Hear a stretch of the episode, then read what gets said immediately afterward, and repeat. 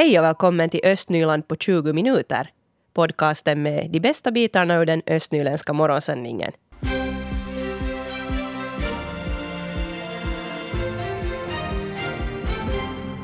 Klockan är halv sju, det här är morgonens första regionala nyhetssändning. Jag heter Stefan Härus. God morgon.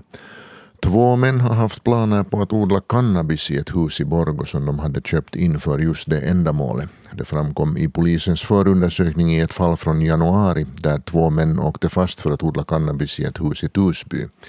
I samband med förundersökningen framkom det att en av de två gripna männen hade en månad tidigare köpt ett småhus i Borgå med vinster från cannabisförsäljningen. Tre män är nu misstänkta för narkotikabrott. Skärpta krav och strängare konditionstester för frivilliga brandmän väcker oro på fältet. Det här skriver tidningen Hufvudstadsbladet idag. Det är Räddningsverket som inför strängare krav på de FBK som deltar i utryckningar. Vid de frivilliga brandkårerna är man nu orolig för att följden kan bli ödesdiger, i synnerhet i glesbygden där avståndet till den ordinarie brandstationen är långt. I Östnyland gäller det brandstationerna eh, i bland annat Mörskom, Liljendal, Pärno och Lappträsk. På vissa håll kan personalen minska till och med så drastiskt att kåren tvingas stänga. Nu kan företaget Loval i Lovisa inleda sitt projekt med att bygga ut sin produktionsanläggning. Byggnads och miljönämnden beviljade bygglovet vid sitt möte igår. Utbyggnaden är på dryga 4400 kvadratmeter. Den totala ytan för Lovals produktionsanläggning kommer att vara, eh, efter det att nybygget är färdigt, cirka 19 000 kvadratmeter. Samtidigt som man förstorar sin produktionsanläggning ska man bygga 116 nya parkeringsplatser. Och mera nytt från Lovisa. Renoveringen av Harju Rintenkoulus nya del försenas med två månader och blir med andra ord inte klar till skolstarten i höst. Den nya delen av Harjurinten-koulu som renoveras skulle stå klar i augusti. Förseningen beror på att det tar längre tid än man tänkt sig att torka de konstruktioner som har öppnats. Också slutstädning och vädring vill man på staden ge tillräckligt med tid. Och i Mörskom ska vatten som används till matlagning eller som dricksvatten fortfarande kokas före användning. Det här meddelar Mörskom kommun. Orsaken är de E. coli-bakterier som hittats i vattnet. I Lovisa och Lappträsk är det risk, riskfritt att dricka kranvatten. Resultaten av de vattenprover som tagits blir färdiga idag på eftermiddagen.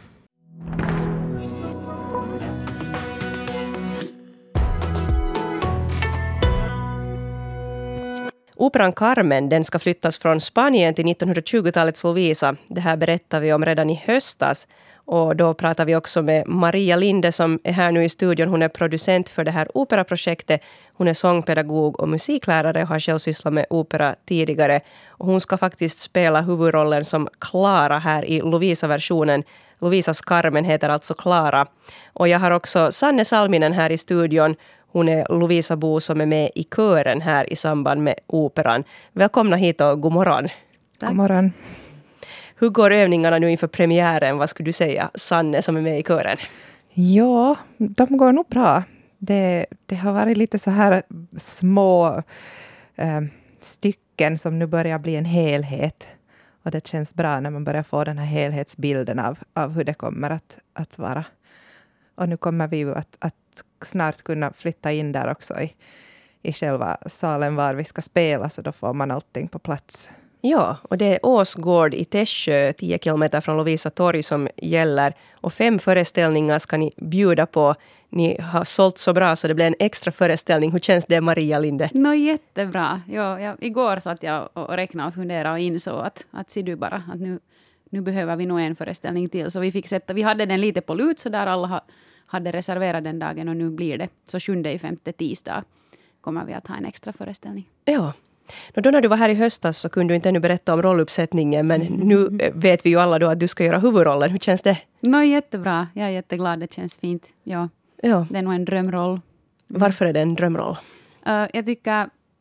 No ja, själva Carmen, Klara, är en så bra typ. En stark kvinna. Och här nu i 20-talets Lovisa också. En sån här som går sin egen väg och liksom friare från konventioner än de andra på något sätt. Kanske lite före sin tid också. Och uh, musikaliskt så är ju Carmen bara en av de vackraste operorna som finns, tycker jag. Där finns många fina örhängen som säkert alla människor känner igen, fast de inte skulle veta någonting om opera. Det är nog en av de populäraste operorna. Ja. ja. Och i huvudsak på svenska ska operan gå? Jo, faktiskt. Jag satt i, i förra året och skrev om manuskriptet. Jag fick från Sveriges Television, det tycker jag var helt huippu. De gav åt mig lov att använda deras översättning av operan. De hade, det var i Tyskland de hade en, en, en föreställning och där hade Sveriges Television gjort översättningen på svenska. Och jag tänkte att ja, ja, men det är ju piece of cake att jag har ju texten färdigt, att det är ju bara att lite ändra något smått där. Men sen insåg jag ju att no, jo, det var ju inte så lite när man ska liksom flytta hela operan från Spanien till Lovisa och till 20-talet, så det var nog mycket skrivjobb. Men jag är nog nöjd med texten nu, alltså det blev nog en, en, bra, mm. en bra text. Ja. Och det som du avslöjade i höstas var det att det skulle handla om spritsmugglartiden, om kartongfabriken med kvinnliga jobbare. Det handlar om arbetarklass och du sa att det skulle vara känslor och passion och det skulle vara eld och det skulle vara jord. Det lät jättespännande. Hur har det här känts, Sanne, det här temat? Ja, det har nog varit spännande. Faktiskt riktigt, riktigt roligt att, att spela, försöka sätta sig in i de här rollerna. Att hur månne det var att, att vara spritsmugglare på 20-talet. Eller hur, hur såg kar kartongarbetarkvinnorna ut? Och, och så här. Så riktigt, riktigt roligt. Ja. Hurdan är din roll?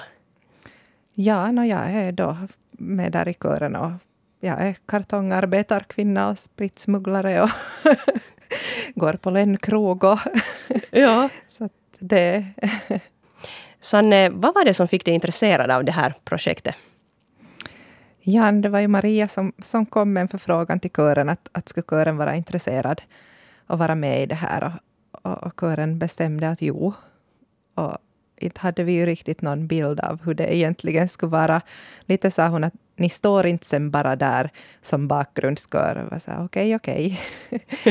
Men att det nog visar sig att, att det är nog ganska mycket skådespeleri. Att vi står verkligen inte bara där som en bakgrundskör, utan vi är nog verkligen med på scenerna som ja. skådespelare. Vad är det för kör du har sjungit som fick den här förfrågan? Lovisa-kören. Just det. Hur många år har du varit med där? Uh, fyra, tror jag. Ja. ja. Och före det så berättade du att du har sjungit i kör länge, sedan 1997, så du har ganska lång körerfarenhet. Ja. Ja. No, men Maria, hur många Lovisa-bor östnylänningar överlag lyckades du engagera sen för det här projektet? No, väldigt många. Vi har ju där i, i den manliga huvudrollen har vi Joel Forström som ju är proffsångare hemma från Lovisa. Och hela arbetsgruppen har ju liksom eh, band till Östnyland. Och sen har vi ju Lovisa-kören då som är en väldigt proffsig amatörkör som är med. Så vi är ju nog, vad skulle jag säga, med orkestern sen på tio personer så vi är nu över 40 på scen. Ja. ja. Vi har också två, två så gott som proffsdansare från, från Sibbo som kommer med. Koreografen Titta Tunkari har där en sån här liten grupp som hon har tagit med sig. Så det är nog ett jättefint gäng. Jag är så stolt över alla. Ja. Stort gäng, ja. ja. Vad har varit svårast med det här projektet?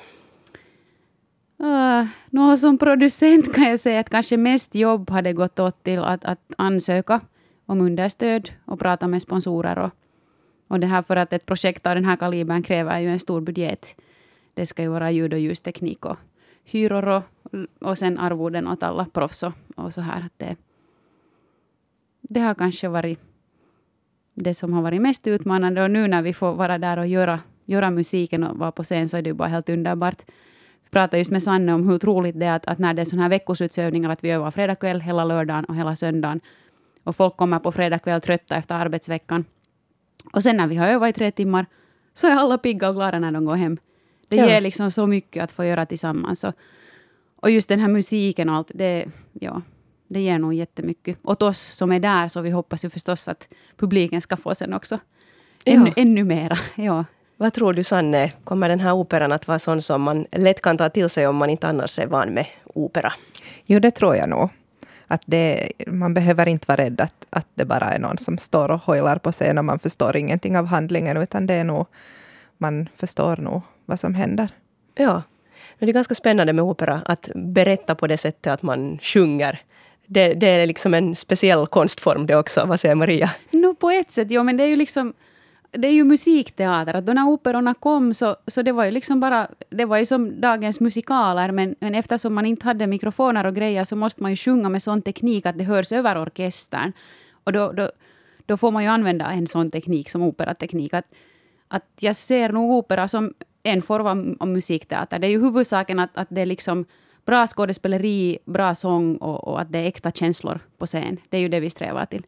Ja. Mm. Och premiär blir det alltså nu den 3 maj. Vad väcker det för tankar i det här skedet, Sanne? Ja, no, väntar nog egentligen med spänning på det. Att, att det, det, känns som att vi är bra på gång nu här och, och det kommer nog att bli bra. Ja. Och vad hoppas Maria av publiken? Ja, kom med öppet sinne, njut. Det blir nog en härlig upplevelse, det kan jag lova.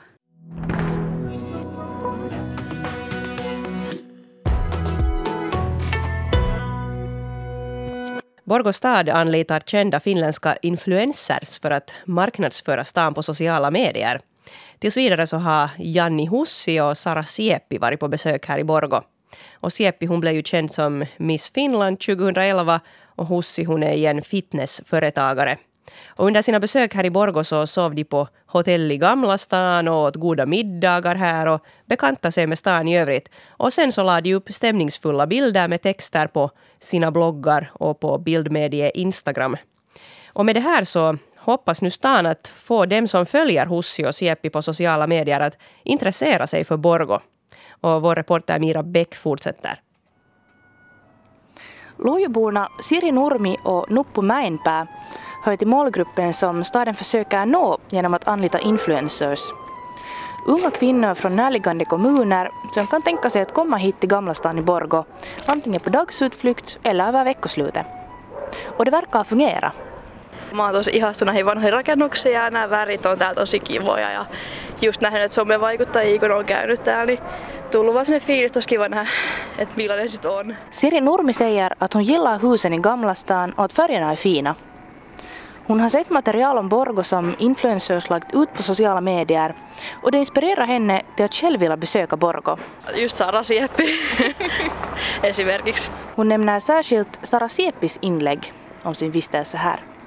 Enligt marknadsföringsplanerare Tanja Peisala vid Borgå stad är det ingen ny grej att Borgå samarbetar med influencers men man har kanske inte haft lika kända finländska sådana på besök tidigare. Både Sara Siepi och Janni Hussi har över 150 000 följare på Instagram. Så valde vi sen några sådana mycket kända äh, kvinnor nu för tillfället som Sara Siepi och Janni Hussi når kanske den målgruppen som vi, vi vill uh, nå genom att, att, att marknadsföra Borgå som en, en sån här resemål, att man kan komma på en minisemester så att, så att kalla och njuta av, av sevärdheter och god mat och inkvartering. Att det är också det att man kan njuta av Borgå året runt, att det är inte bara på sommartid en fin sommarstad och kanske inte heller bara på vintertiden under julen utan det här på vårtiden och när det är kanske lite, lite lugnare annars så man kan komma över veckoslut hit och njuta av den här stämningen. Tanja Peisala vill inte berätta exakt hur mycket staden betalar åt de influencers man anlitar, men hon säger att det är en bra form av marknadsföring. Jämföra sen att, att om vi skulle ta en tidningsannons till Helsingin Sanomat eller äh, HPL eller något liknande så det kostar ungefär lika mycket. Att på det sättet är det inte något desto dyrare eller billigare. Och sen om man jämför till det här, till exempel till printmedia, så man når ju mycket mera folk med det här somekanalerna. Om man tänker på Sara, Sara Sieppi, så minns rätt så, så det var liksom mycket lyckat och om bilderna får över 20 000 uh, tyck så det, det är ju ganska fint resultat.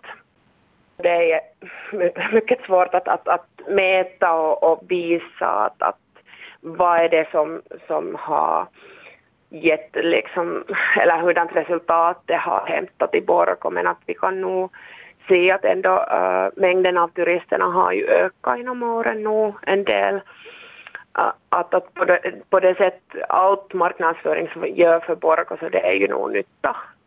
Och där hörde vi Tanja Peisala som är marknadsföringsplanerare vid Borgå stad. Och det var Mira Bäck som var reporter.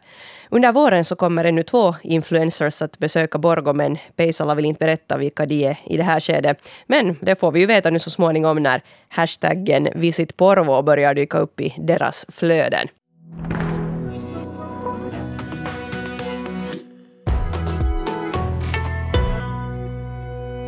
Fredagskaffe ska det bli här idag tillsammans med Birgitta Palmqvist, företagare från Borgo och Mikael Grönros, informationssekreterare Sibo. Välkomna! Tack, tack och god morgon. Tack, tack. God morgon. Morgon, morgon. Mikael är så där brun och fräsch. Han har varit utomlands. Jo, jo, jo. Jag har, det är det här kolfotspåret som syns i ansiktet. Ja, det är därför du är så svart. Mm, mm. Vi ska börja hålla dig till svars här nu för, för dina klimathandlingar, hör Vi- du. Visst, visst. Jag har ju en massa åsikter om det där och de, de går ju inte alls ihop med mina handlingar. Nej, just det. Men, men det där, det är nu som det är. Det är som det är. Mm. Och vi är duktiga här nu tycker vi på Svenska Yle för vi följer med Plastets resa genom Svenskfinland. Det är ju ett lite intressant projekt det här. Vi har satt ner en sån här GPS-sändare i ett plastinsamlingskärl. Vad tycker Gitta om det här? Alltså, det är ju superbra tycker jag. Att liksom, nu, nu bevisar ni då sen när det finns de här skeptikerna som tror att all, all den plast som vi samlar in i Finland hamnar i kinesiska havet eller något sånt. Ja. Så, så det här är i alla fall ett sätt att bevisa att, att inte det är ju så. Och nu är jag ju ganska liksom blåögd tydligen eller något sånt men jag, nu tror jag ju på det här systemet vi har här när vi samlar och vart, vart materialet hamnar. Ja. Verkligen tror jag på det för jag är själv en, en sorterare som var med i, i det här lokala av, systemet med, med, med det här med hur vi sorterar och, och det är mycket plast. Jag nyss hemkommen från Sydostasien så, så kan jag ju bara hålla med om att här funkar det ju nog men det gör det ju inte på alla håll i världen.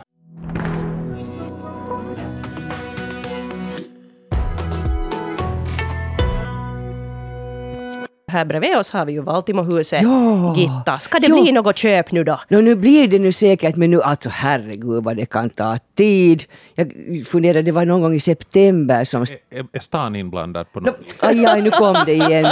Ja, jag skulle inte vilja vara kritisk mot min egen stad, men att, att, att nu är det lite konstigt när man tänker att det beslutet fattades ju i september i fjol, att vem som nu liksom får köpa huset. Och man har inte ännu heller fått det klart att, Ja, att det är så mycket papperna, byråkratiskt. papperna är klara. Ja. Oj jösses. Nu, jag tycker lite synd om företagarna som bara liksom hänger där och väntar och som har uh, fixat med finansieringar och system och så bara hänger man där och, och finns kanske hela tiden sen någon liten sen rädsla att tänk om det är någonting kring pappersverket som inte sen fungerar heller. Mm. No, det allmänna funkar ju på ett lite annat sätt, en, en liten, liten annan logik än, än, än privata företag. Helt klart. Det, det, det, så är det ju bara.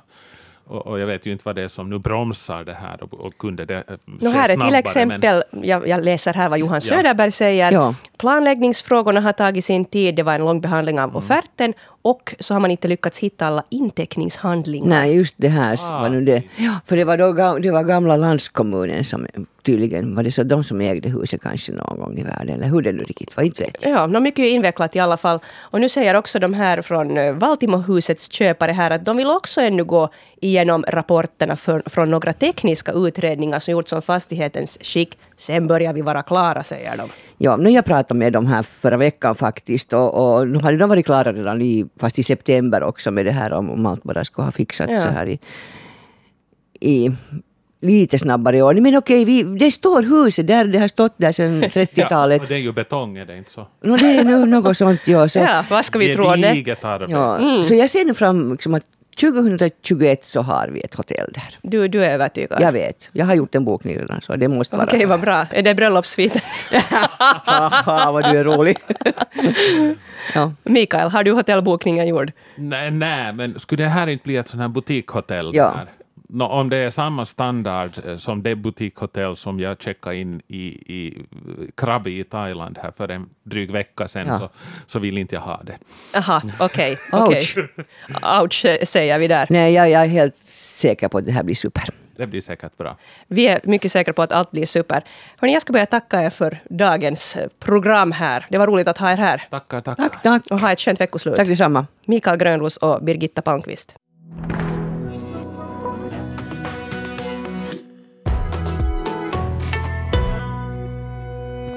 Tack så mycket för sällskapet. Jag heter Katarina Lind. Östnyland på 20 minuter är en svenska YLE-podcast och det finns flera poddar på arenan.